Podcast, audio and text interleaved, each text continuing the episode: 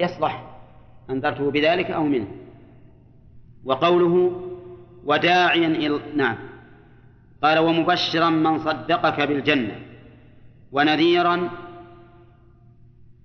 منذرا من كذبك بالنار. وداعيا إلى الله إلى طاعته بإذنه بأمره. هذا الوصف الثالث شاهدا لا الوصف الرابع شاهدا ومبشرا ونذيرا وداعيا إلى الله بإذنه. هذا الوصف الرابع داعيا إلى الله أي يدعو الناس إلى الله عز وجل. وقول المؤلف إلى طاعته فيه نظر بل الأولى أن تبقى الآية على ظاهرها وأن النبي صلى الله عليه وسلم يدعو إلى الله. يدعو إلى إلى الله عز وجل إلى الوصول إليه في دار كرامته. ولا وصول إليه في دار كرامته إلا بامتثال أمره واجتناب نهيه. فهو داع إلى الله تعالى بطاعته واجتناب نهيه. وقوله داعيا إلى الله لم يبين هنا كيفية الدعوة ولكنه بينها في آية أخرى. في قوله ادع إلى سبيل ربك بالحكمة والموعظة الحسنة وجادلهم بالتي هي أحسن. والدعوة لا بد فيها أيضا من أمور أربعة داع ومدعو والثالث مدعو إليه والرابع نعم سبب يوصل إلى المدعو إليه. وكل هذا جاء به النبي صلى الله عليه وسلم. وقد كان عليه الصلاة والسلام يدعو الناس سرا وجهرا حسب ما تقتضيه المصلحة والحاجة. فكان أول دعوته سرا لأنه كان يخشى أن تصادم هذه الدعوة حتى تدفن. ثم بعد ذلك جهر بالدعوة لما قال له الله فاصدع بما تؤمر وأعرض عن المشركين. ثم صار يدعو من قرب وأنذر عشيرتك الأقربين ثم من بعد على حسب ما تقتضيه الدعوة. وقوله داعيا إلى الله يعني لا إلى نفسك. ولهذا كان النبي عليه الصلاة والسلام لا ينتقم لنفسه قط. أبدا إلا أن تنتهك حرمات الله عز وجل فإنه كان أشد الناس غضبا لله لأنه ليس يدعو إلى إلى نفسه كما يوجد من كثير من الدعاة يدعون إلى أنفسهم في الواقع يريدون أن يعظمهم الناس وأن يأخذوا بقولهم حتى إنهم إذا خولفوا في ذلك تجد الإنسان يتكدر لا لأنه خولف أمر الله ولكن لأنه ها خولف هو الذي هذا شأنه إنما يدعو إلى نفسه وليس يدعو إلى ربه. ففتش نفسك هل فيك سر من هذا؟ إن كان فيك سر من هذا فأصلح الأمر. وإن كنت لا تغضب إلا لله ولا ترضى إلا لله فهذا هو الداعية حقيقة. وقوله إلى الله بإذنه الإذن هنا يشمل الإذن الكوني والإذن الشرعي. فإن كان المراد به ما يدعى به فهو الشرعي. يعني إن كان المعنى داعيا إلى الله تعالى بأمره الذي أمرك بالدعوة إليه. المراد به الإذن الشرعي. وإن كان المراد داعيا إلى الله تعالى بقدره يعني حيث قواك على ذلك وهيأ لك الأسباب فهو إذن كون. والآية تشمل هذا وهذا فإن الرسول صلى الله عليه وسلم إنما يدعو بقضاء الله وقدره ويدعو كذلك بدينه وشرعه فهو داع بالأمرين جميعا. قال وداعيا إلى الله بإذنه الوصف الخامس وسراجا منيرا. أي مثله في الاهتداء به. سراجا والسراج ما يستضاء به. نعم هذا نسميه اللي أمامنا نسميه سراجا ولا لا؟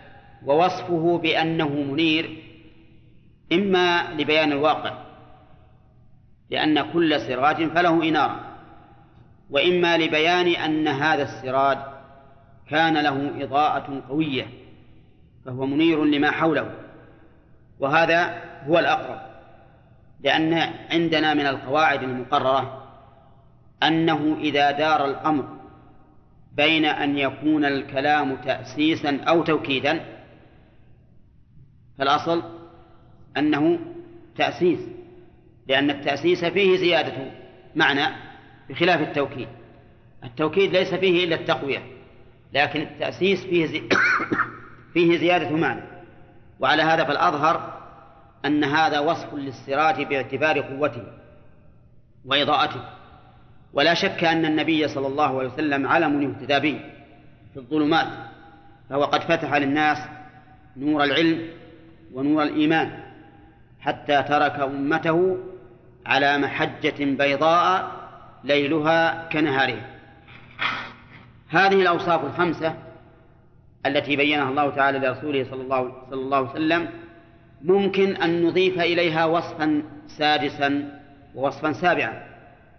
الوصف السادس قوله إنا أرسلناك فإن هذا فيه إثبات الرسالة له. والوصف السابع قوله يا أيها النبي فإن فيه أيضا إثباتا للنبوة. وعلى هذا فالآية تضمنت كم وصفا للرسول صلى الله عليه وسلم؟ سبعة أوصاف. النبوة والرسالة والشهادة والبشارة والإنذار والدعوة إلى الله بإذنه وكونه سراجا منيرا. يا أيها النبي وداعي الله بإذنه وسراجا منيرا. وبشر المؤمنين. هذا عطف. ولكنه مبين للمبشر في قوله مبشرا. بشر المؤمنين بأن لهم من الله فضلا كبيرا. والمؤمنون هنا يراد بهم المؤمنون والمسلمون جميعا لأنه مر علينا أن الإيمان إذا ذكر وحده شمل الإسلام. والإسلام إذا ذكر وحده شمل الإيمان. وإن ذكر جميعا صار الإيمان في القلب والإسلام في الجوارح. فقول بشر المؤمنين لم يقل بشر المسلمين لأن من المسلمين من يكون إسلامهم ظاهرا ويكون الإيمان في قلوبهم إما مفقودا وإما ضعيفا. فالذين لهم البشارة المطلقة من؟ المؤمنون الذين وقر الإيمان في قلوبهم. وصاروا ينفذون مقتضى ذلك الإيمان. ولهذا قال الله عز وجل ألا إن أولياء الله لا خوف عليهم ولا هم يحزنون الذين آمنوا وكانوا يتقون لهم البشرى في الحياة الدنيا وفي الآخرة. فالبشارة المطلقة لا تكون إلا للمؤمنين.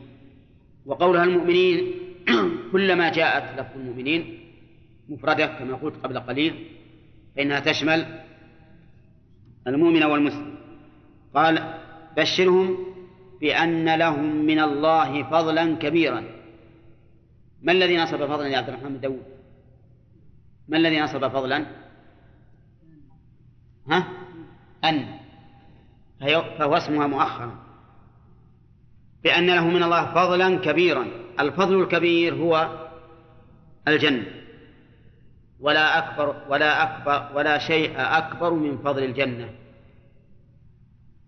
قال الله تعالى فمن زحزح عن النار وأدخل الجنة فقد فاز. ولا نعيم أعظم من دخول الجنة. بما يترتب بما يكون في ضمنه بل هو أعلى شيء فيه وهو النظر إلى وجه الله تبارك وتعالى. قال بأن له من الله فضلا كبيرا. ولا تطع الكافرين والمنافقين. لما كان الناس ينقسمون إلى ثلاثة أقسام. مؤمن ظاهرا وباطنا. وكافر ظاهرا وباطنا. ومؤمن ظاهرا كافر باطنا. بين الله هؤلاء الأقسام في قوله ولا تطع الكافرين والمنافقين بعد قوله وبشر المؤمنين. والله تعالى يقرن بين هؤلاء الأصناف الثلاثة في عدة مواضع من القرآن. ففي أول سورة البقرة ذكر الله الأصناف الثلاثة. أولى وفي سورة الأحزاب لما ذكر الأمانة وتحملها ذكر الأصناف الثلاثة. وهنا ذكر الأصناف الثلاثة. قال ولا تطع الكافرين والمنافقين. الكافر كل من كفر بالله سواء كان كفره عن جحود أو عن استكبار لأن مدار الكفر أو لأن الكفر كله يدور على هذين الأمرين إما الجحود وهو التكذيب وإما الاستكبار عن الطاعة. فمن كفر بالله وأعلن كفره فهو من الكافرين. ومن ستر كفره فهو من المنافقين. فالمنافق إذن من؟ ها؟ من يظهر الإسلام ويبطن الكفر. مأخوذ من نافقاء اليربوع. نافقاء اليربوع هي بيته. لأن اليربوع له حيلة. يحفر في الأرض جحرا له ويجعل له بابا ويجعل في أطرف الجحر قشرة رقيقة لأجل إذا حجر مع بابه نعم نتق مع هذه القشرة الرقيقة. فيقال نافقاء اليربوع. المنافق هكذا عمله. إذا حجر فعل ما يتخلص به لكن نفاقا كما قال الله تبارك وتعالى وإذا لقوا الذين آمنوا قالوا آمنا وإذا خلوا إلى شياطينهم قالوا إنا معكم إنما نحن مستهزئون. لا تطع الكافرين والمنافقين. وهذا النهي نهي عما لم يكن لئلا يكون. وليس نهيا وليس نهيا عما كان لئلا يستمر. وبينهما فرق. فهو نهي عما لم يكن لئلا يكون. وليس نهيا عما كان لئلا لئلا يستمر. فإذا قلت لشخص يا فلان لا تسرق. وهو يسرق. فهو نهي عما كان لئلا يستمر. وإذا قلت لمن لم يسرق لكن لكنه هم بالسرقة أو لم يهم. فهذا نهي عما لم يكن لئلا يكون.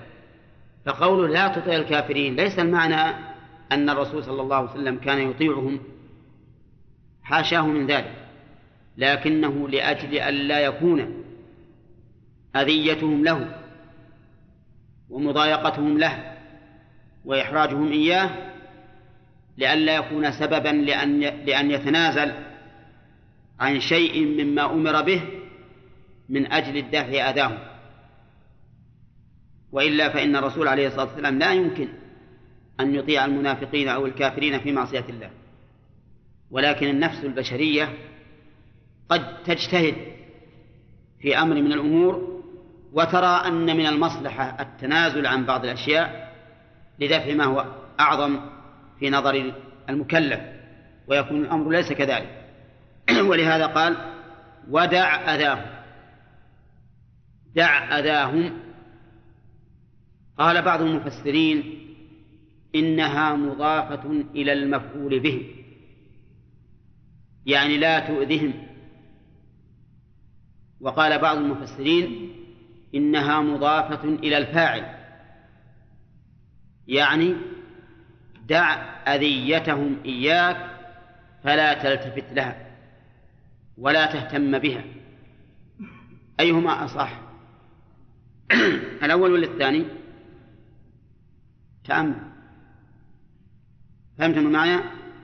دع أذاهم يعني دع أذيتك إياهم فهو مضاف إلى المفعول به.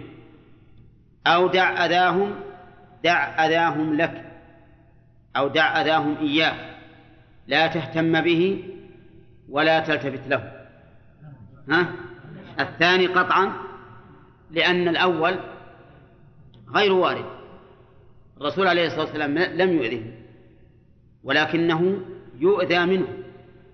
وعلى هذا فيكون يكون المصدر هنا مضافا إيش؟ إلى الفاعل ولا إلى المفعول به؟ إلى الفاعل يعني دع أذيتهم إياك وهذا الأمر إما أن يكون للتهديد وإما أن يكون للتأييد والتقوية وإما أن يكون لهما جميعا فهو للتهديد تعال هنا يا فوزي. كل ما كان الإنسان أمام ذا أحسن له. تروح على جنب وأيضا المكان هذا قريب أقرب من ذاك إما أن يكون للتهديد تهديد هؤلاء الكافرين والمنافقين. يعني دع أذاهم إياك فسوف فسوف ينتقم الله منهم. بدليل قوله وتوكل على الله وكفى بالله وكيلا أو أن المعنى التأييد يعني دع أذاهم أي اصبر عليه فيكون هذا من باب تأييد الله تعالى لرسوله صلى الله عليه وسلم بأن يأمره بأن يدع أذاهم ولا يهتم به ولا يبالي به لأن العاقبة ستكون لمن؟ للرسول صلى الله عليه وسلم حتى مع هذه الأذية التي قاموا بها بالنسبة لرسول الله صلى الله, صلى الله عليه وسلم. وقال ودع أذاهم وتوكل على الله. نعم. نعم. الفرق بينهما أن الكفر أعم. فإن كل مشرك كافر وليس كل كافر مشركا. قد يجحد الإنسان شيئا مما أنزل الله فيكون كافرا وليس بمشرك. نعم. وتوكل على الله التوكل ذكروا في حده أقوال أقوالا متعددة. ولكن أقرب ما يقال فيه أنه صدق الاعتماد على الله في جلب المنافع ودفع المضار مع الثقة بالله تعالى. صدق الاعتماد على الله في جلب المنافع ودفع المضار مع الثقة به. هذا أحسن ما قيل في تفسير التوكل.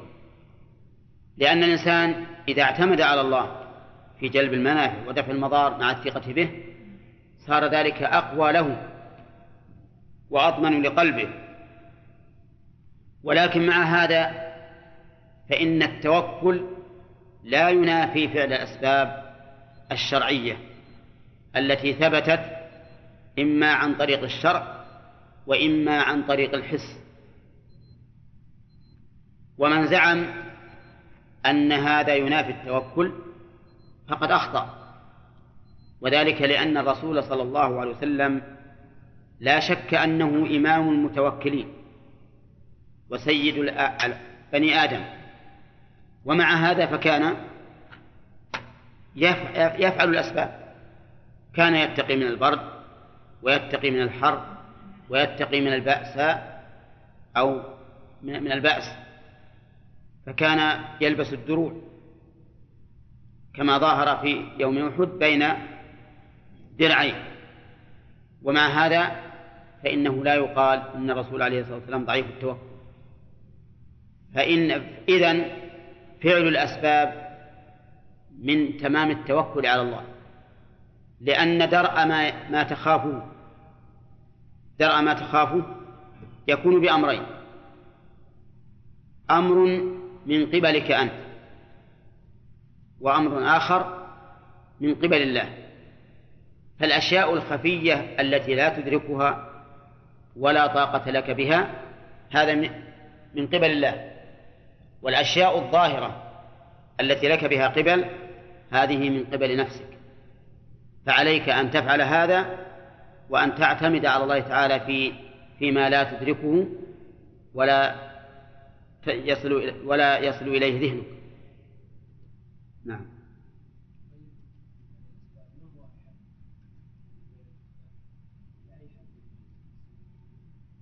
إذا ما يقدر عليه كل ما يقدر عليه من الأسباب الحسية والشرعية. نعم.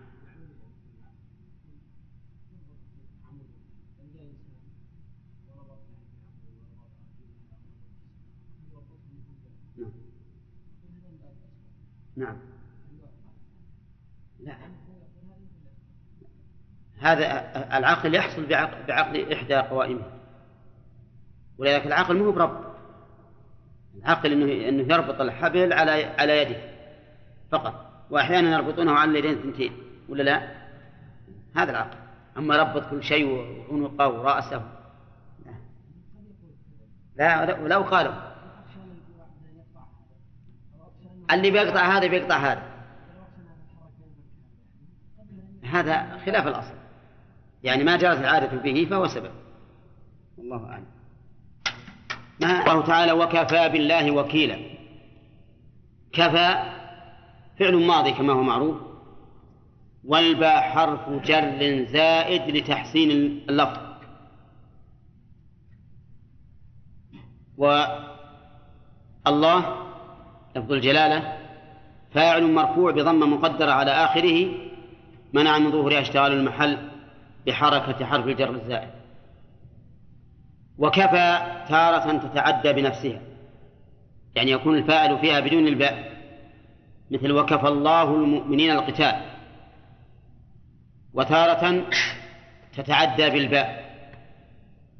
متى تتعدى بالباء؟ ومتى لا تتعدى بالباء؟ إذا كان المراد بها معنى التعجب يعني ما أبلغ كفايته فإنها تتعدى بالباء. مثل وكفى بالله حسيبا وكفى بالله وكيلا وما أشبهه. وإذا كان المراد بيان الكفاية فقط فإنها تتعدى بدون حرف الجر. مثل نعم وكفى الله المؤمنين القتال. مثل أن تقول كفاك الله شر أعدائك. وما أشبهه وهنا المراد بها إيش؟ التعجب. يعني معناه أنه ما أشد كفاية الله تعالى وما أبلغ كفايته. وقوله كفى بالله وكيلا وكيلا هذه حال. حال من الفاعل من فاعل كفى. وقوله وكيلا بمعنى حفيظا. وكافيا. كما قال الله تعالى ومن يتوكل على الله فهو حسبه أي كافيه. واعلم أن الله تعالى أطلق على نفسه الوكيل وأطلق على نفسه الموكل يعني وصف نفسه بالموكل. فأما الوكيل فكثير في كتاب الله ومعناه الكافي الحافظ وما أشبه ذلك. وأما وصف الله بالتوكيل أنه موكل ففي قوله تعالى فإن يكفر بها هؤلاء فقد وكلنا بها قوما ليسوا بها بكافرين. قال وكلنا بها قوما ليسوا بها بكافرين. ومناسبة قوله وكفى بالله وكيلا لقوله وتوكل على الله مناسبتها أنك إذا توكلت عليه كفاك كل شيء. كفاك كل شيء وحفظك وصار رقيبا عليك. ثم قال تعالى يا أيها يا أيها الذين آمنوا إذا نكحتم المؤمنات ثم طلقتموهن من قبل أن تمسوهن. يا أيها الذين آمنوا تقدم لنا الكلام على تصدير الخطاب بمثل هذا النداء وأنه يدل على أهمية إيش؟ الموضوع وأنه يدل على أن امتثال ما سيأتي ها؟ من مقتضيات الإيمان وأن مخالفته من نواقص الإيمان. يا أيها الذين آمنوا إذا نكحتم المؤمنات نكحتم المراد بالنكاح هنا العقد. والنكاح يطلق على العقد وعلى الجماع. وذلك لأن أصله في اللغة العربية الضم والجمع. والنكاح بعد الدرس إن شاء الله. نعم؟ إيش قلنا؟ ها؟ الضم والجمع لأن العقد يضم الزوجة إلى الزوجة إلى زوجته والزوجة إلى زوجها وهو يطلق بمعنى هذا وهذا ولكنه إذا أضيف إلى أجنبية فهو بمعنى العقد وإذا أضيف إلى زوجة فهو بمعنى الجماع فإذا قيل نكح الرجل زوجته أي جامعه وإذا قيل نكح فلانة بنت فلان المعنى عقد عليه. وهي في القرآن بمعنى العقد. كلما جاءت فهي بمعنى العقد. والغريب أن بعض أهل العلم يقول لم تأتي بمعنى العقد إلا في هذه الآية. وأنها في القرآن جاءت بمعنى الجماع. ولكن هذا ليس بصواب. الصواب العكس أنها ما جاءت في القرآن إلا بمعنى العقد. قال الله تعالى نشوف نستعرض الآيات الواردة في هذا. قال الله تعالى ولا تنكحوا المشرك ولا تنكحوا المشركات حتى يؤمنوا. المعنى العقد. ولا تنكحوا المشركين حتى يؤمنوا. العقد ولا تنكحوا ما نكح آباؤكم من النساء. ها؟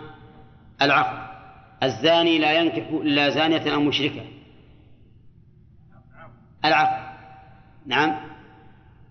إيش بعد؟ ونعم بقينا. فإن طلقها فلا تحل له من بعد حتى تنكح زوجا غيره.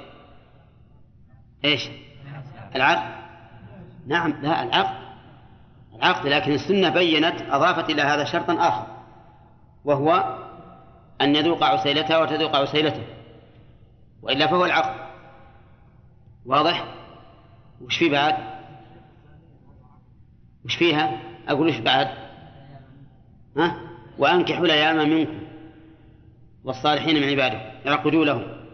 المهم كلما جاءت في القرآن فهي بمعنى العقد حتى في هذه الآية واضح بمعنى العقد نعم. يا أيها الذين آمنوا إذا نكحتم المؤمنات ثم طلقتموهن من قبل أن تمسوهن. يعني من قبل أن تجامعوهن. إيش عندك خالد؟ نعم. أي عقد نعم. الزاني لا ينكح لا يعقد إلا على زاني أو مشرك.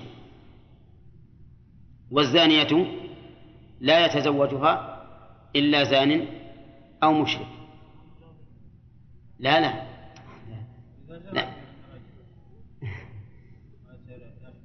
شوف قول لا ينكح إلا زانه مشركة أما في آخر الآية وحرم ذلك على المؤمنين. فإذا كان نكاح الزانية حراما ونكاح الزاني حراما فإذا عقد على زانية وهو حرام. فإما أن يعتقد التحريم فيكون زانيا لأنه جامعها وهو يعتقد إيش؟ أنه حرام وإما أن لا يعتقد التحريم ويقول هذا حلال فتحليل ما حرم الله شرك كما قال تعالى اتخذوا أحبارهم ورهبانهم أربابا من دون الله والمسيح ابن مريم. هذا هو معنى الآية التي لا تحتمل سواه وهو الذي قرره شيخ الإسلام وابن القيم رحمهم الله. طيب الآن إذا نكحتم المؤمنات أي عقدتم عليهن؟ نعم.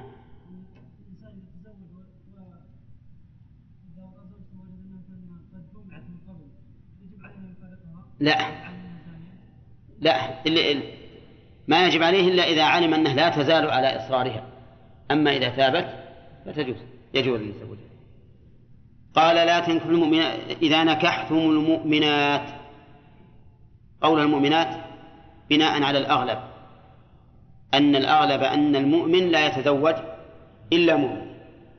ولكن لو لو كانت يهودية أو نصرانية فالحكم لا يختلف. فعلى هذا يكون الم...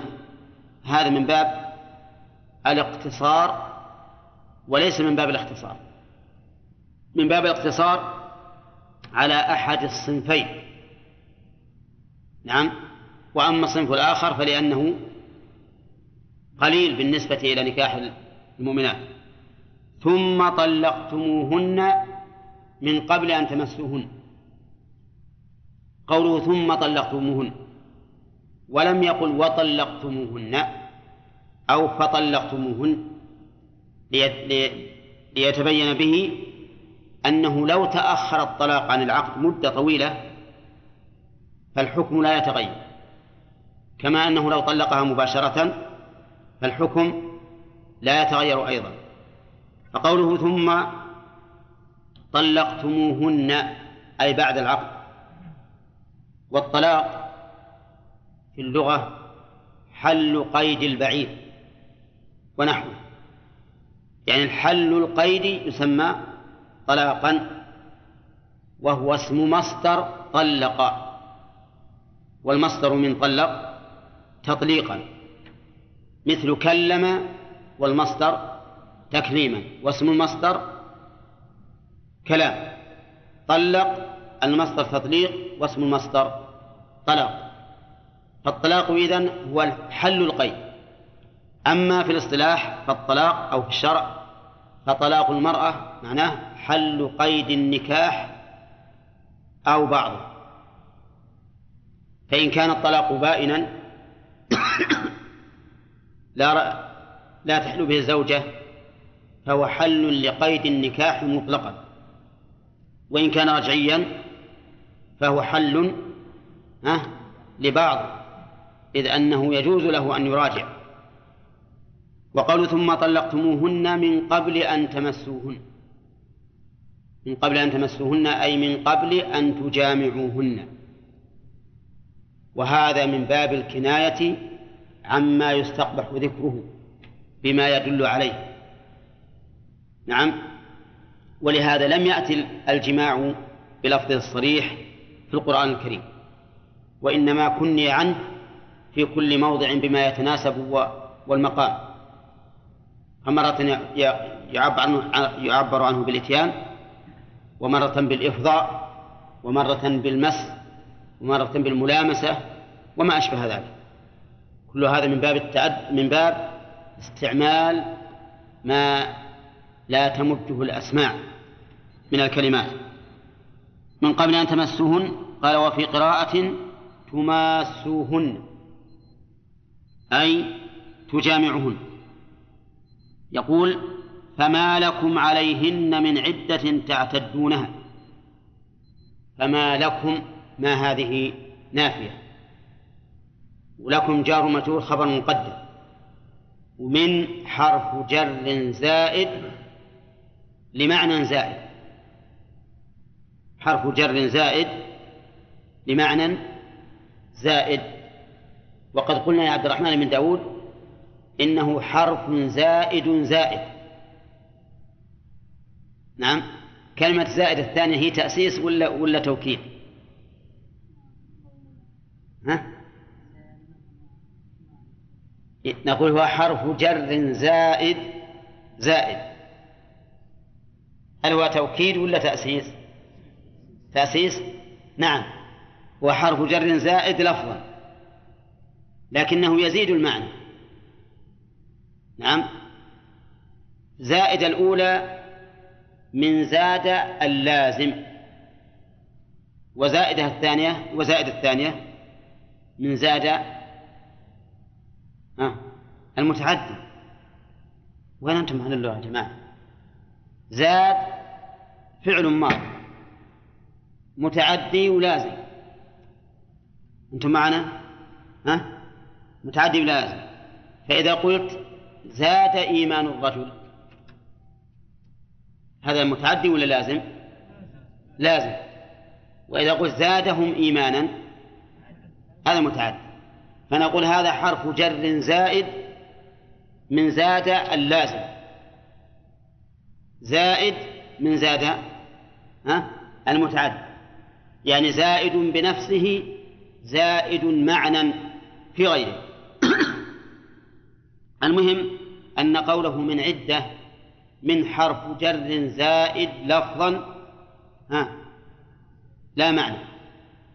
عدة مبتدأ مؤخر مرفوع بضمة بضمة مقدرة على آخره منع من ظهورها المحل بحركة حرف الجر الزائد.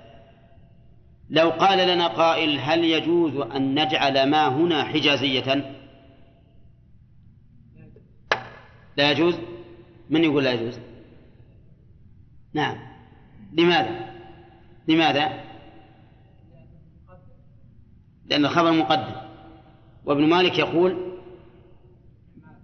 مع بقى النفي وترتيب ذكر طيب.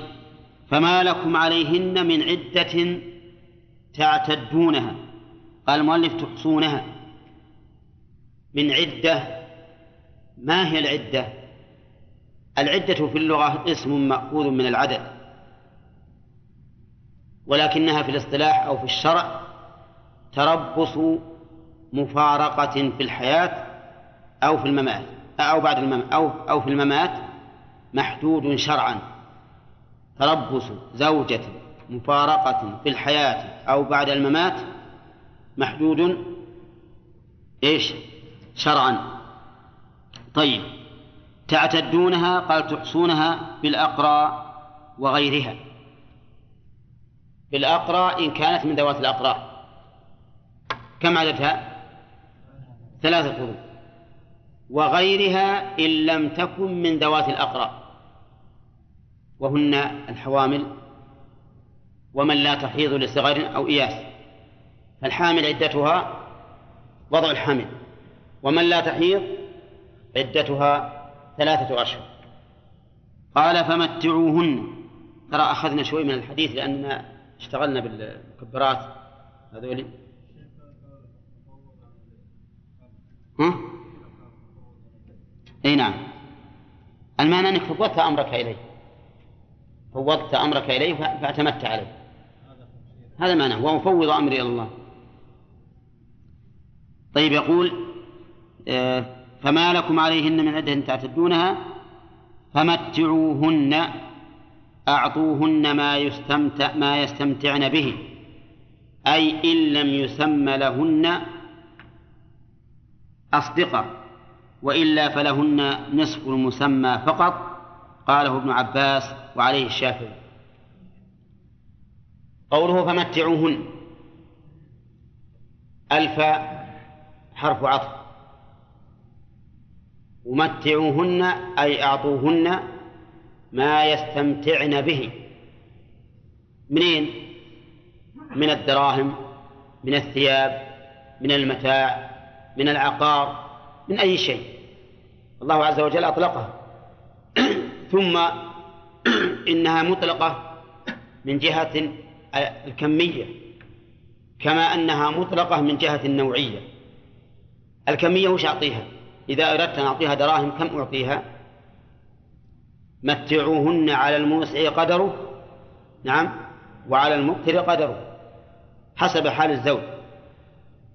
وقوله فمتعوهن بعد قوله إذا طلقتم المؤمنات فمتعوهن. يستثنى من ذلك من سمي لها مهر. فإن من سمي لها مهر لا يجب لها إلا نصفه. لقوله تبارك وتعالى لا جناح عليكم إن طلقتم النساء. لا لا هذا وإن طلقتموهن من قبل أن تمسوهن وقد فرضتم لهن فريضة فنصف ما فرضتم. فبين الله عز وجل أن لهن نصف ما فرض إذا وهذا إذا سمي له المهر سواء قل أو كثر. قال فمتعوهن وسرحوهن سراحا جميلا. خلوا سبيلهن من غير إضرار. فأمر الله عز وجل بأمرين التمتيع وهو بذل المال والسراح الجميل وهو بذل الخلق وذلك بأن تكون المفارقة عن رضا وبالقول اللين الذي يجبر الخاطر لأن المرأة إذا طلقت بعد أن عقد عليه ولم يدخل بها لا شك أنه ينكسر خاطره وأنها تتأثر وأن الناس سوف يتكلمون لماذا طلقت قبل أن يدخل بها؟ ما هو السبب؟ هل هل رأى فيها عيبا؟ هل سمع عنها بشيء؟ ولا سيما إذا كانت هي راغبة أيضا بالزوج. ثم طلقها من قبل أن يتصل بها فإنه لا لا بد أن يكون هناك ردود فعل في نفسه. فأرحم الراحمين سبحانه وتعالى أمرنا أن نمتعهن بالمال وأن نسرحهن سراحا جميلا بالقول والمعاملة طيبة مثل أن نقول لها هذا أمر لم يقدر وهذا أمر أراده الله عز وجل وأنا ما فارقتك مثلا لسوء خلقك أو لأني سمعت عنك ما يسوء أو ما أشبه ذلك من الكلام حتى تنفصل منه وهي طيبة النفس منشرحة الصدر ثم بعد ذلك ما يحصل منها أو من أهلها كلام. لأنه ربما إذا طلقها ولم يمتعها أو متعها بما بدون ما تستحق أو سرحها سراحا غير جميل ربما يحصل منها أو من أهلها كلام في الرجل. يتكلمون فيه وفي عرضه وفي, وفي أهله وما أشبه ذلك.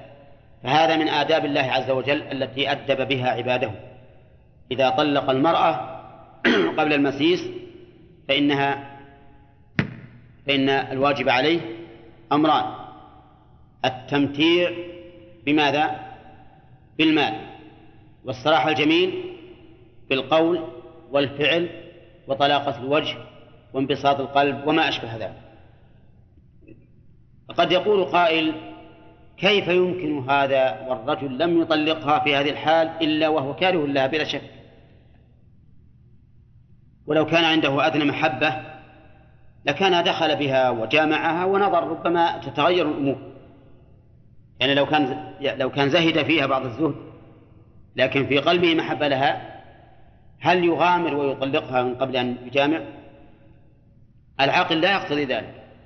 يقتضي أن تنتظر وتجامعها لعل لأنه ربما إيش؟ ربما تغيرت الأمور. ومن ثم نهي عن الطلاق في الحيض. لأن الإنسان إذا كانت امرأته حائض حائضا فإنه لا يجامعه.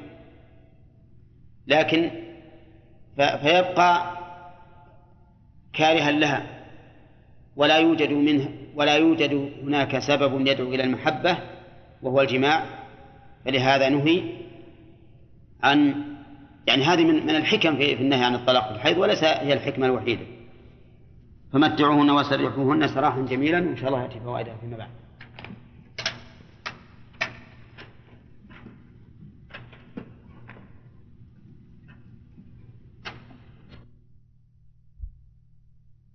ثبوت ثبوت رسالة النبي صلى الله عليه وسلم بقوله لا. صلى الله عليه وسلم مبشر مبشر في قوله ومبشرا. ويتفرع على ذلك أنه أتى بالأسباب التي توجب البشارة من الأعمال الصالحة والطاعات. ومن فوائد الآية الكريمة أن النبي صلى الله عليه وسلم جمع بين البشارة والإنذار. لقوله مبشرا ونذيرا. وفائدة قبل هذا أنه منذر أيضا لأن كونه منذرا وكونه مبشرا فائدتان والجمع بينهما ها فائدة ثالثة. ومن فوائد الآية الكريمة أن رسول الله صلى الله عليه وسلم داع إلى الله لقوله وداعيا إلى الله.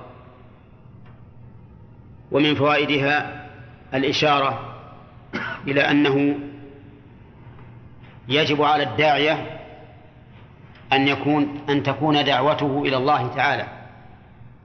لا إلى حظ نفسه لقوله داعيا إلى الله. فإن هذا وصف وصف الرسول صلى الله عليه وسلم. ومن فوائدها أن دعوة رسول الله صلى الله عليه وسلم إلى الله كانت بإذن منه. لقوله بإذنه. وهذه يتفرع عليها فائدة أخرى وهي رضا الله عما كان الرسول صلى الله عليه وسلم يدعو إليه. أليس كذلك؟ لأن الله لا يأذن إلا بما يحبه ويرضاه. ومنها أن دعوة النبي صلى الله, صلى الله عليه وسلم مبنية على شرع في كيفيتها وفيما يدعو إليه. بقوله بإذنه فهو داع إلى الله بإذنه على حسب أمره. وبشرعه فيدعو إلى سبيل الله بالحكمة نعم والموعظة الحسنة ويجادل بالتي هي أحسن وكذلك يدعو إلى شرع الله لا يتجاوزه. ومنها أن النبي صلى الله عليه وسلم لا نعم لا يمكن أن يشرع من عنده. لقوله داعيا إلى الله بإذنه لا بشيء من عندك. ومنها أن ما يدعو إليه الرسول عليه الصلاة والسلام فهو من الله. فيتفرع على هذه الفائدة أن طاعة الرسول طاعة لله ومعصية الرسول معصية لله. ولهذا لما جاءت امرأة إلى ابن مسعود رضي الله عنه وقالت إنك تقول إن المتفلجات لحسن ملعونات بكتاب الله وإنني فتحت المصحف أو قرأت المصحف من فاتحته إلى خاتمته فلم أجد ذلك. فقال بلى. ثم قرأ عليه الحديث وتلا قوله تعالى وما آتاكم الرسول فخذوه وما نهاكم عنه فانتهوا. ومن فوائد الآية الكريمة إثبات الإذن لله. وما هي الإذن؟ هل هي الأذن أو غيره ها؟ نعم. الإذن غير الأذن. إثبات الإذن لله عز وجل. وإذن الله تعالى كما سبق في التفسير تنقسم إلى قسمين شرعية وكونية. ومن فوائد الآية الكريمة أن ما جاء به النبي صلى الله عليه وسلم فهو نور كالسراج يضيء يضيء الظلم لقوله وسراجا منيرا. ومنها أن النبي صلى الله عليه وسلم لا ظل له. شوف الفائدة هذه تحتاج إلى مناقشة ولا لا؟ لا ظل له. يعني لو وقف الشمس والشمس مائلة ما يكون له ظلال. ها؟ غير صحيح؟ سراجا منيرا ها؟ السراج يضيء وليس له ظل. آه سراجا معنويا سراجا معنويا. وإلا فإن الرسول عليه الصلاة والسلام له ظل كغيره لأنه بشر. ومن فوائد الآية الكريمة أن كل من حكم بشريعة النبي صلى الله عليه وسلم فإنه على سراج منير ولا لا؟ لقوله وسراجا منيرا. ومنها فضيلة النبي صلى الله عليه وسلم حيث جمع الله له بين هذه الأوصاف العظيمة النبوة والرسالة والشهادة والبشارة والإنذار والدعوة إلى الله بإذنه كم؟ هذه ستة والسراج المنير سبعة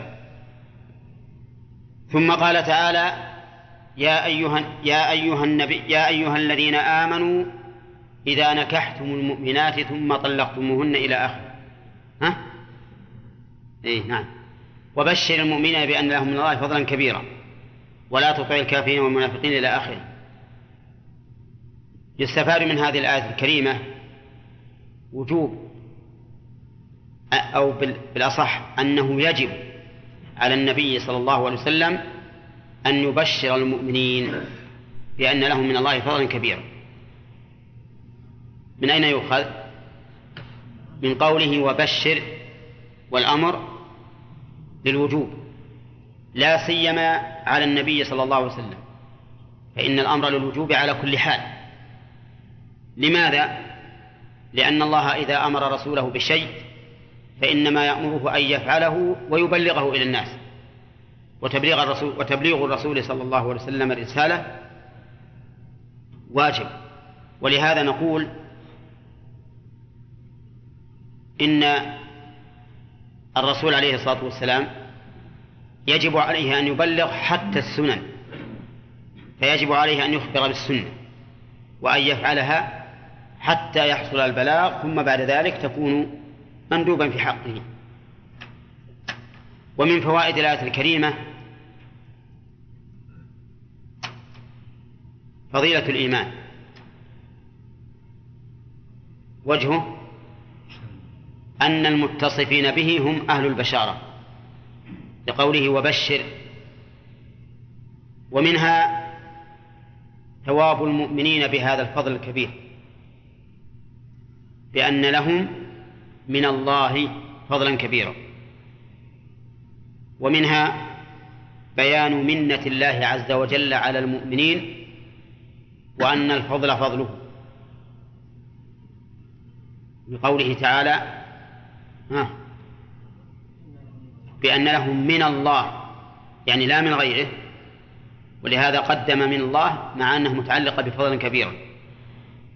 ومن فوائد الآية الكريمة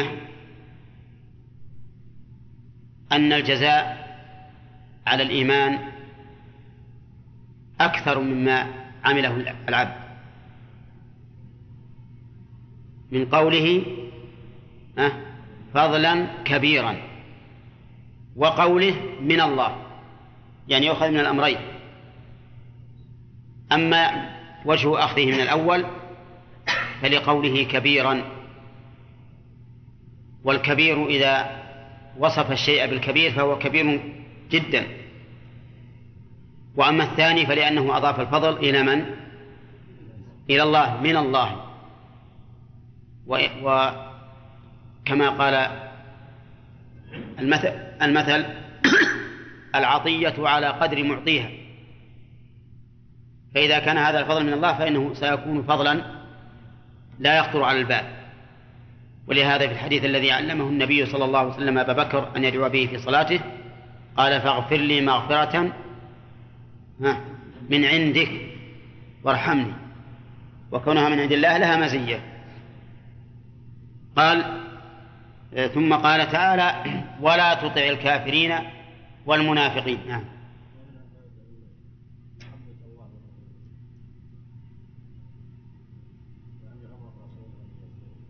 نعم.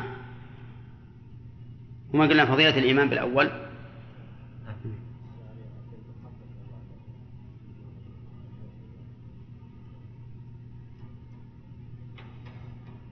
وما هو إلى ذاك الظهور من ذلك؟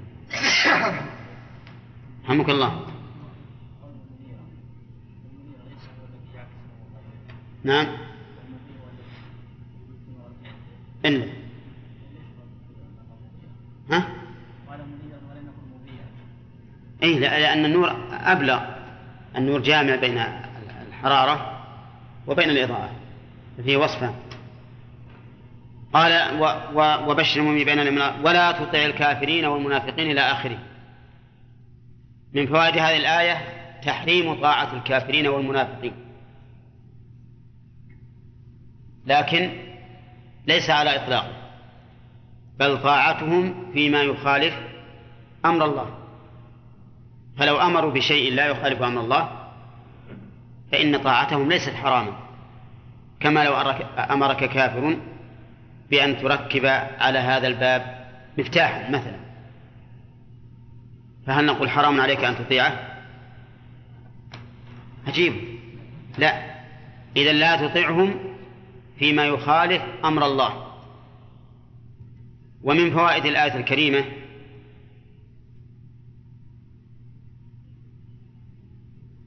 أن القرآن على أكمل ما يكون من البلاغ. فإننا نجده في مواضع يقدم المنافقين على الكافرين. وفي هذه الآية قدم الكافرين على المنافقين. لأنه في مقام الجزاء وفي مقام الذم يقدم المنافقين. إن الله جامع المنافقين والكافرين في جهنم جميعا. ليعذب الله المنافقين والمنافقات والمشركين والمشركات. لأن ذنب المنافق أعظم من ذنب الكافر الصريح. وأما هنا فمن الذي يعارض الرسول صراحة؟ ها؟ الكافر. ولهذا قدمه على المنافق. لأن المنافق لا يأمر بمخالفة الشرع كما يأمر بها الكافر إذ أنه يتستر بنفاقه. ولهذا قال لا تطع الكافرين فبدأ بهم لأن معارضتهم للشرع أبين وأظهر من المنافقين. ومن فوائد الآية الكريمة أنه قد يتوجه النهي عما, لا عما لم يفعل لئلا يفعل. من قوله ولا تطع الكافرين والمنافقين. فإن الرسول عليه الصلاة والسلام ما كان يطيعهم لكنه نهي أن يطيعهم لئلا يفعل في المستقبل. ومنها أن النهي قد يكون أو قد يرد على الأمور البعيدة أو المستحيلة. البعيدة أو المستحيلة. وجهه ولا تطع الكافرين والمنافقين.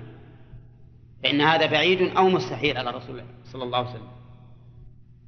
و ومن فوائد الآية الكريمة تهديد الكافرين والمنافقين. لقوله ودع أذاهم. ومنها تأييد النبي صلى الله عليه وسلم وتسليته.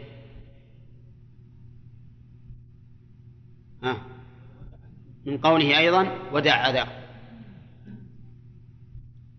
ومنها أن من طبيعة الكافرين والمنافقين أذية أذية المؤمنين.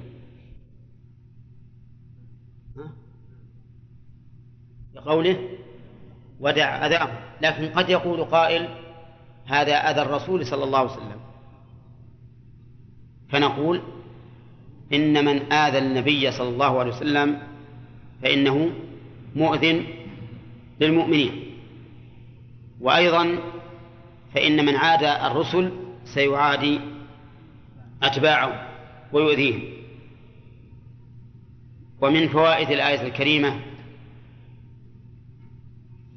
وجوب الصبر على أذى الكفار والمنافقين. لقوله ودع أذاهم فإن, فإن هذا أمر بالصبر على أذيتهم. ومن فوائد الآية الكريمة وجوب التوكل على الله.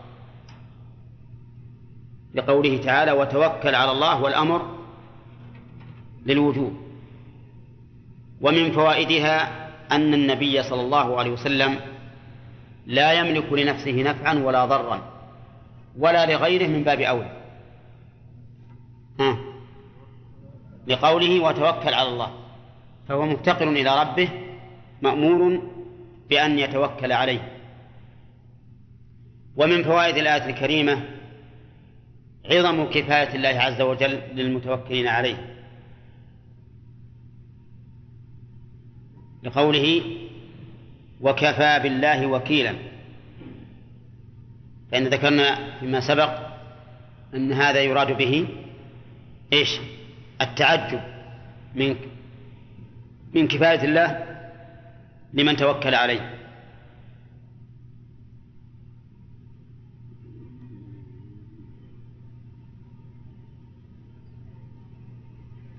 ثم قال الله تعالى يا أيها الذين آمنوا إذا نكحتم المؤمنات ثم طلقتموهن من قبل أن تمسوهن إلى آخره. من فوائد الآية الكريمة أهمية النكاح والطلاق لأن الله تعالى صدره بالنداء الذي يطلب به تنبه المنادى لما سيلقى عليه.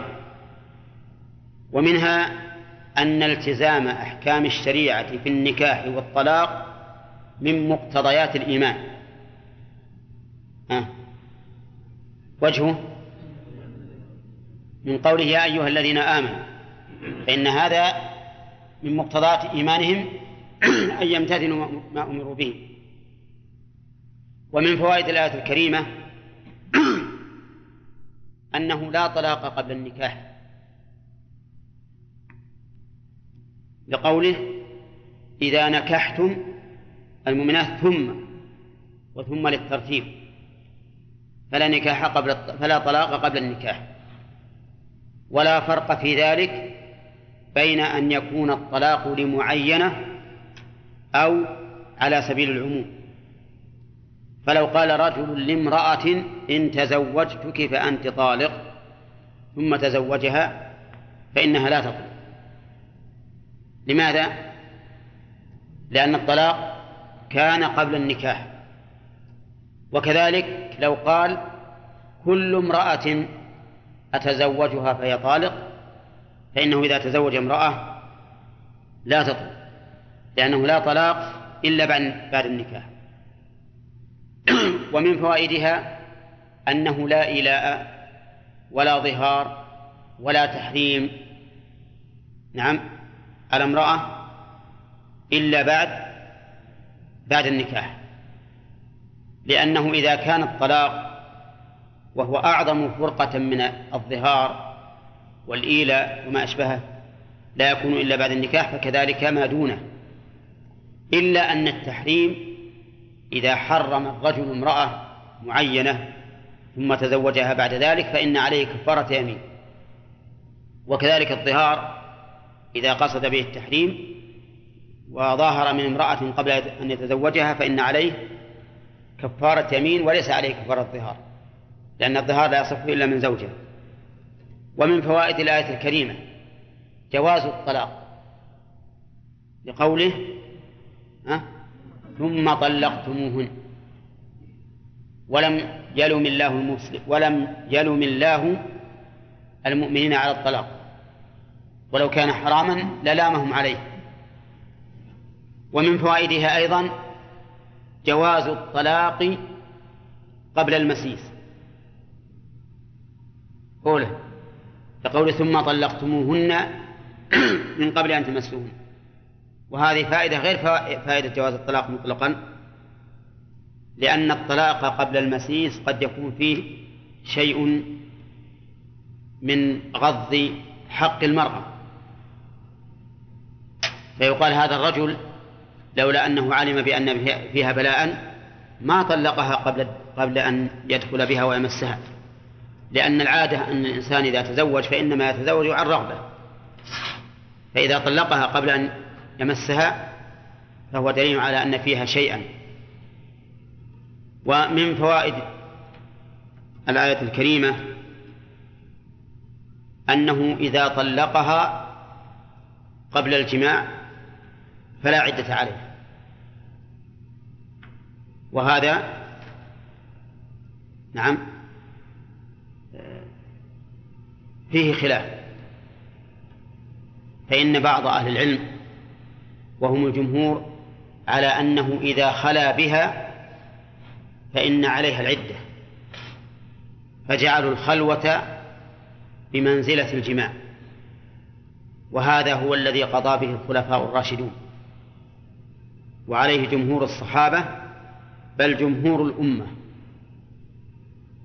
ولم يخالف في ذلك إلا نفر قليل منهم الشافعي رحمه الله في قوله الجديد فإنه رأى أنه إذا لم يجامعها فلا عدة عليها ولو خلا بها. ولا شك أن هذا هو ظاهر الآية. لكن الوارد عن الصحابة رضي الله عنهم ولا سيما الخلفاء الراشدون يثبت بأن عليها العدة إذا خلا بها. نعم. ومن فوائد الآية الكريمة وجوب المتعة على من طلق قبل الدخول. من أين تؤخذ؟ من قوله فمتعوهن. وهذا مقيد بالآية الأخرى. وهي ما إذا فرض لها فريضة. فإنه إذا فرض لها مهرا فليس عليه إلا نصف المهر. لقوله تعالى وإن طلقتموهن من قبل أن تمسوهن وقد فرضتم لهن فريضة فنصف ما فرضتم إلا أن يعفون أو يعفو الذي بيده عقد النكاح. ومن فوائد الآية الكريمة التكنية عما يستحيا من ذكره. لقوله ها؟ من قبل أن تمسوهن. ومن فوائد الآية الكريمة أن المعتدة من وفاة عليها العدة مطلقة وإن لم يدخل بها. من أين تؤخذ؟ من قوله ثم طلقتموهن. ثم طلقتموهن. فجعل الله هذا الحكم في أي شيء؟ في الطلاق. فيبقى قوله تعالى والذين يتوفون منكم ويذرون أزواجا يتربصن بأنفسهن أربعة أشهر وعشرا يبقى على إطلاقه. أن المتوفى عنها تجب عليها العدة وإن لم يدخل بها. نعم. ومن فوائد الآية الكريمة رحمة الله سبحانه وتعالى بعباده وخلقه حيث أوجب المتعة على من طلقت لمن طلقت قبل الدخول. حيث أوجب المتعة لمن طلقت قبل الدخول. وجه ذلك أن فيه جبرا لخاطرها وإزالة للهم والغم الذي اعتراها بعد الطلاق. ومن فوائدها وجوب التسريح الجميل في المفارقة. بقوله تعالى وسرحوهن سراحا جميلا.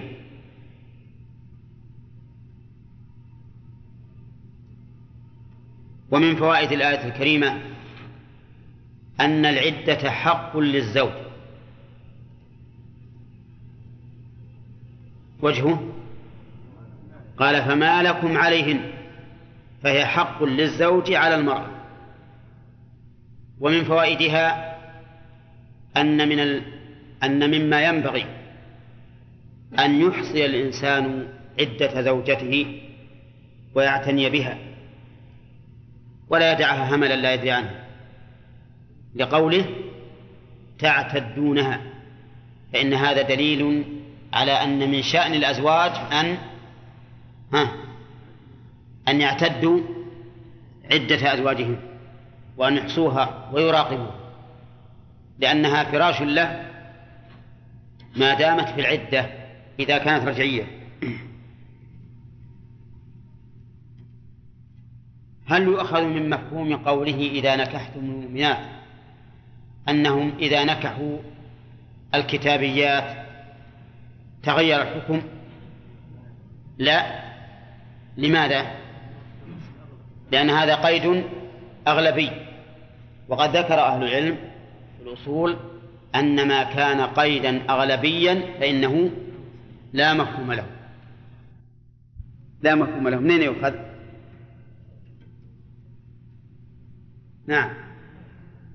ها؟ من قبل المؤمنات. لأن هذا الحكم شامل للمؤمنات ولا غيرهن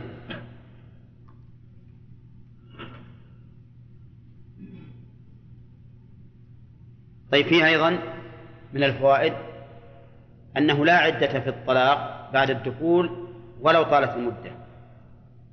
أنه لا عدة في الطلاق بعد الدخول ولو طالت المدة. ولو طالت المدة. لا عدة في الطلاق قبل الدخول ولو طالت المدة لقوله ها؟ ثم طلقتموه. طيب. وفي أيضا فائدة أخرى أن الطلاق بيد الزوج.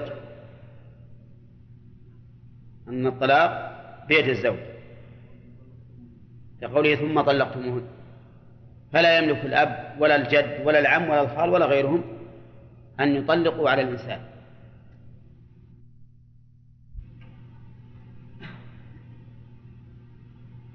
وفي أيضا فائدة أخرى أنه لا عدة لغير المطلقة كالمفسوخة بخلع أو غيره.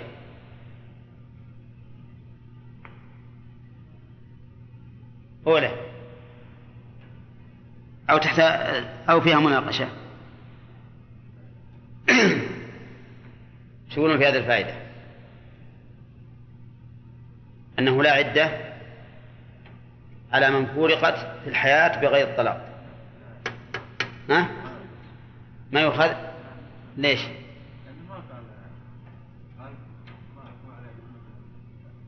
اي لكن في الطلاق. فمفهومها ان إن العدة إنما هي في المطلقات. هذه هذه النبي. إذا كانت العدة في المطلقات فمعناها المختلعات ليس عليهن عدة. نعم؟ شو يا جماعة؟ شو لا ها؟ كيف؟ ما هو مثلا ثم طلقتموهن فما لكم عليهن من معناه إن طلقتموهن بعد المسيس فعليهن العدة. فجعل العدة من أحكام الطلاق. طيب غير الطلاق؟ لا ما يمكن لأن الطلاق له أحكام ولهذا يقول المعتدة بالوفاة آه، المتوفى عنها زوجها تعتد وإن لم يدخل بها. على كل حال ما هي يعني قد لا تكون إلى ذاك الظهور إلا أن القول الراجح أن المفارقة في غير بغير الطلاق ليس عليها عدة. المختلعة إنما تستبرأ بحيضة ثم تحل. نعم. طيب.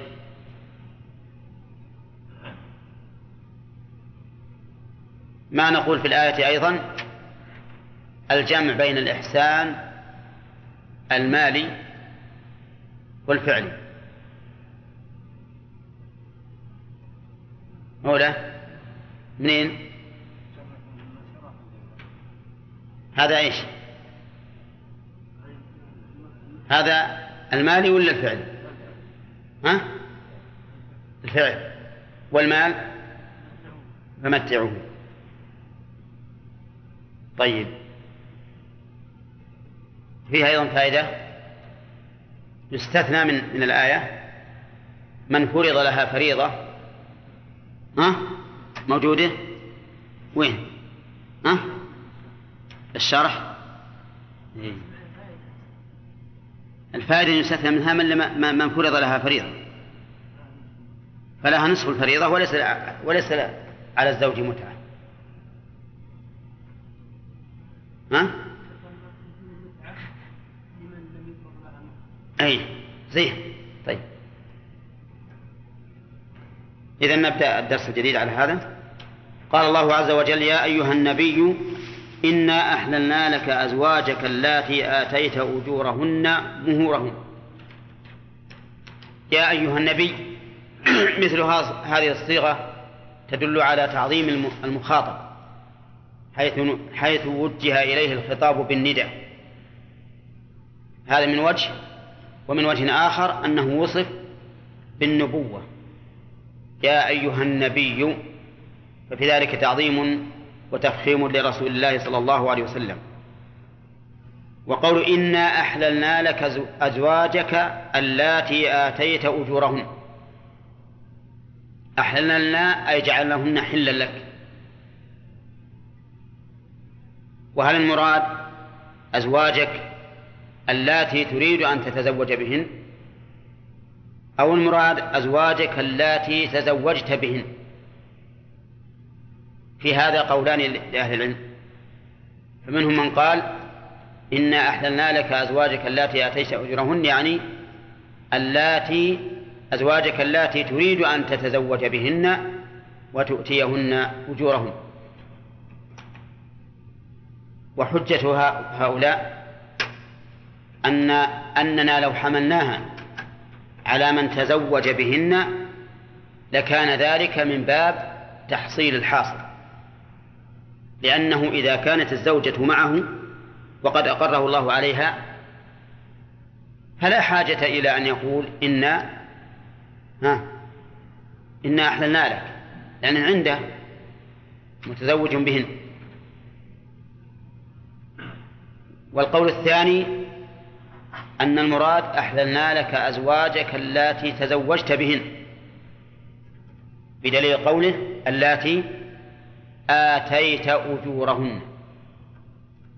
وهذا القول الثاني هو الموافق لظاهر الآية. لأن قوله آتيت فعل ماضي. وعلى القول الأول يجب أن نؤول الفعل الماضي بالفعل إيش؟ المضارع. يعني اللاتي تؤتي أجورهم وهذا خلاف ظاهر الآية. ويجاب عن عما أيد به أولئك قولهم أن المح... أنه إذا كان المراد الزوجات التي في حباله فإن ذكر الإحلال من باب تحصيل الحاصل.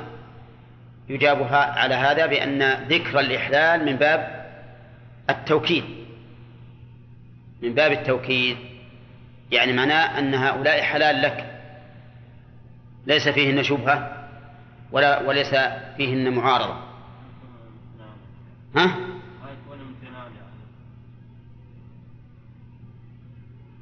يمكن أن يكون للامتنان لكن الظهور دفع ما يمكن أن يوجه إليه من لو قال اللاتي آتيت أجورهن آتيت بمعنى أعطيت وأما أتيت بغير مد فهي بمعنى جئت. نعم. طيب إذن نقول آتيت أي أعطيت أجورهن. يقول المؤلف أي مهورهن. وسمي المهر أجرا لأنه عوض عن الانتفاع بالزوجة والاستمتاع بها. وليس عوضا عن ذاتها.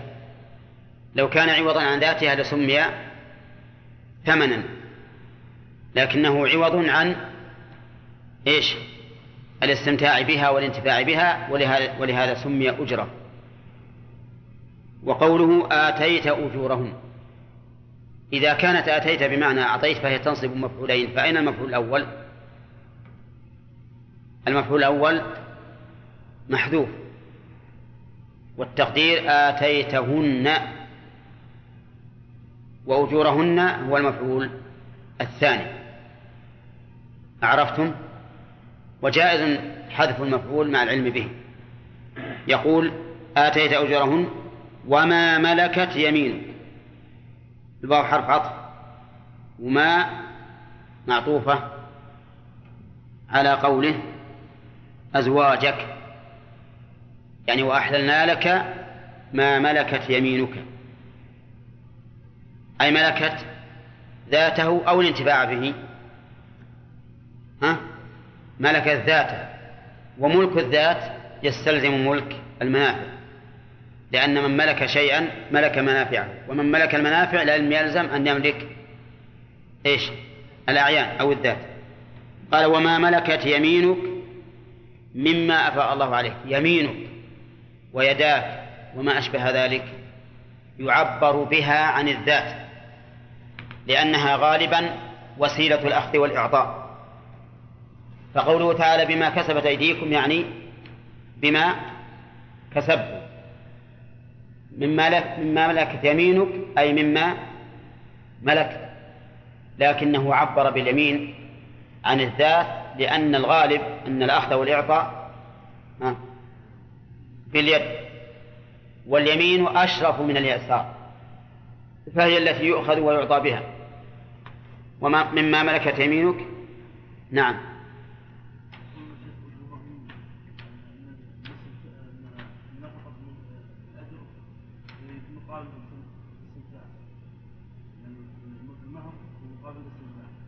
في مقابل ملك الانتفاع.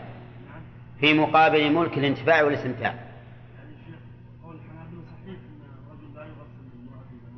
إيش؟ ما بعد جت الفوائد بارك الله فيك. يقول وما ملكت يمينك مما أفاء الله عليك. من؟ هذه بيانية. وما هو المبين؟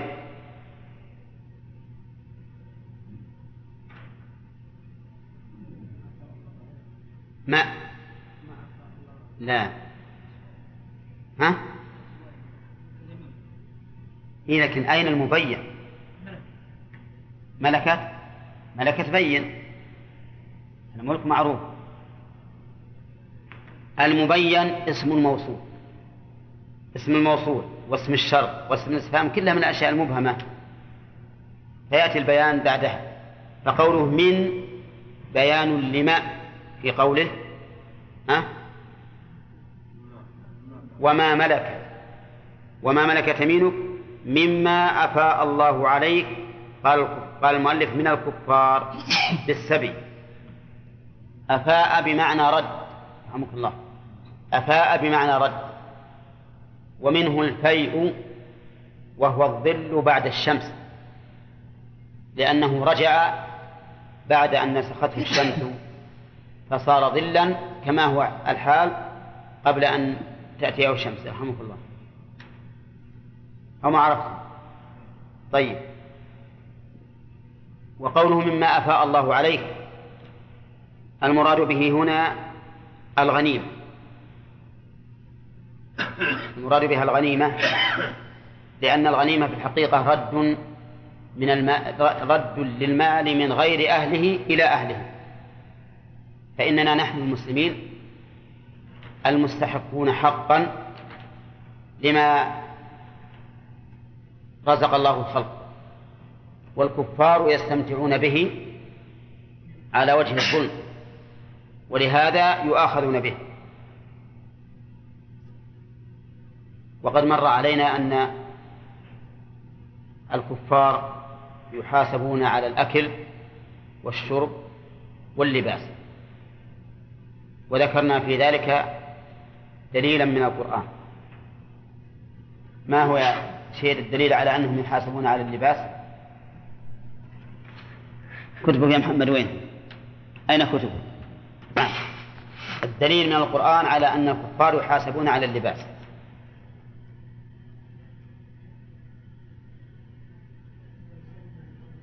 ها؟ لا. هذا يعم حتى المسلمين. لا. لا. لا.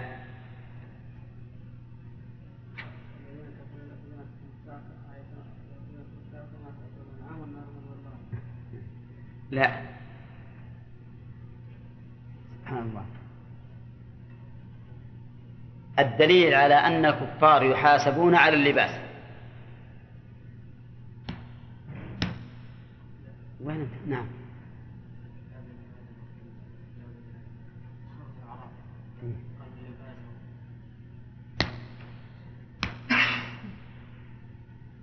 قل من حرم زينة الله التي أخرج لعباده والطيبات من الرزق. قل هي للذين آمنوا في الحياة الدنيا خالصة يوم القيامة.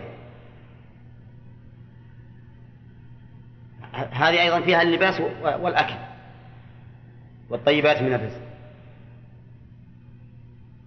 للذين آمنوا هذه لام للإباحة والاستحقاق. خالصة يوم القيامة لمن؟ للمؤمنين. أما أولئك فليست لهم وليست خالصة لهم يوم القيامة. فهي في الدنيا حرام عليهم ويحاسبون عليها يوم القيامة. طيب وما هي الآية اللي فيها الدليل على أن الأكل والشرب حرام على الكفار؟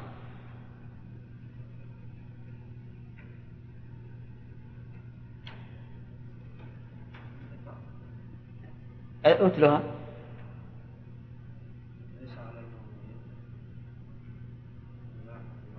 لا ما هي عليه السلام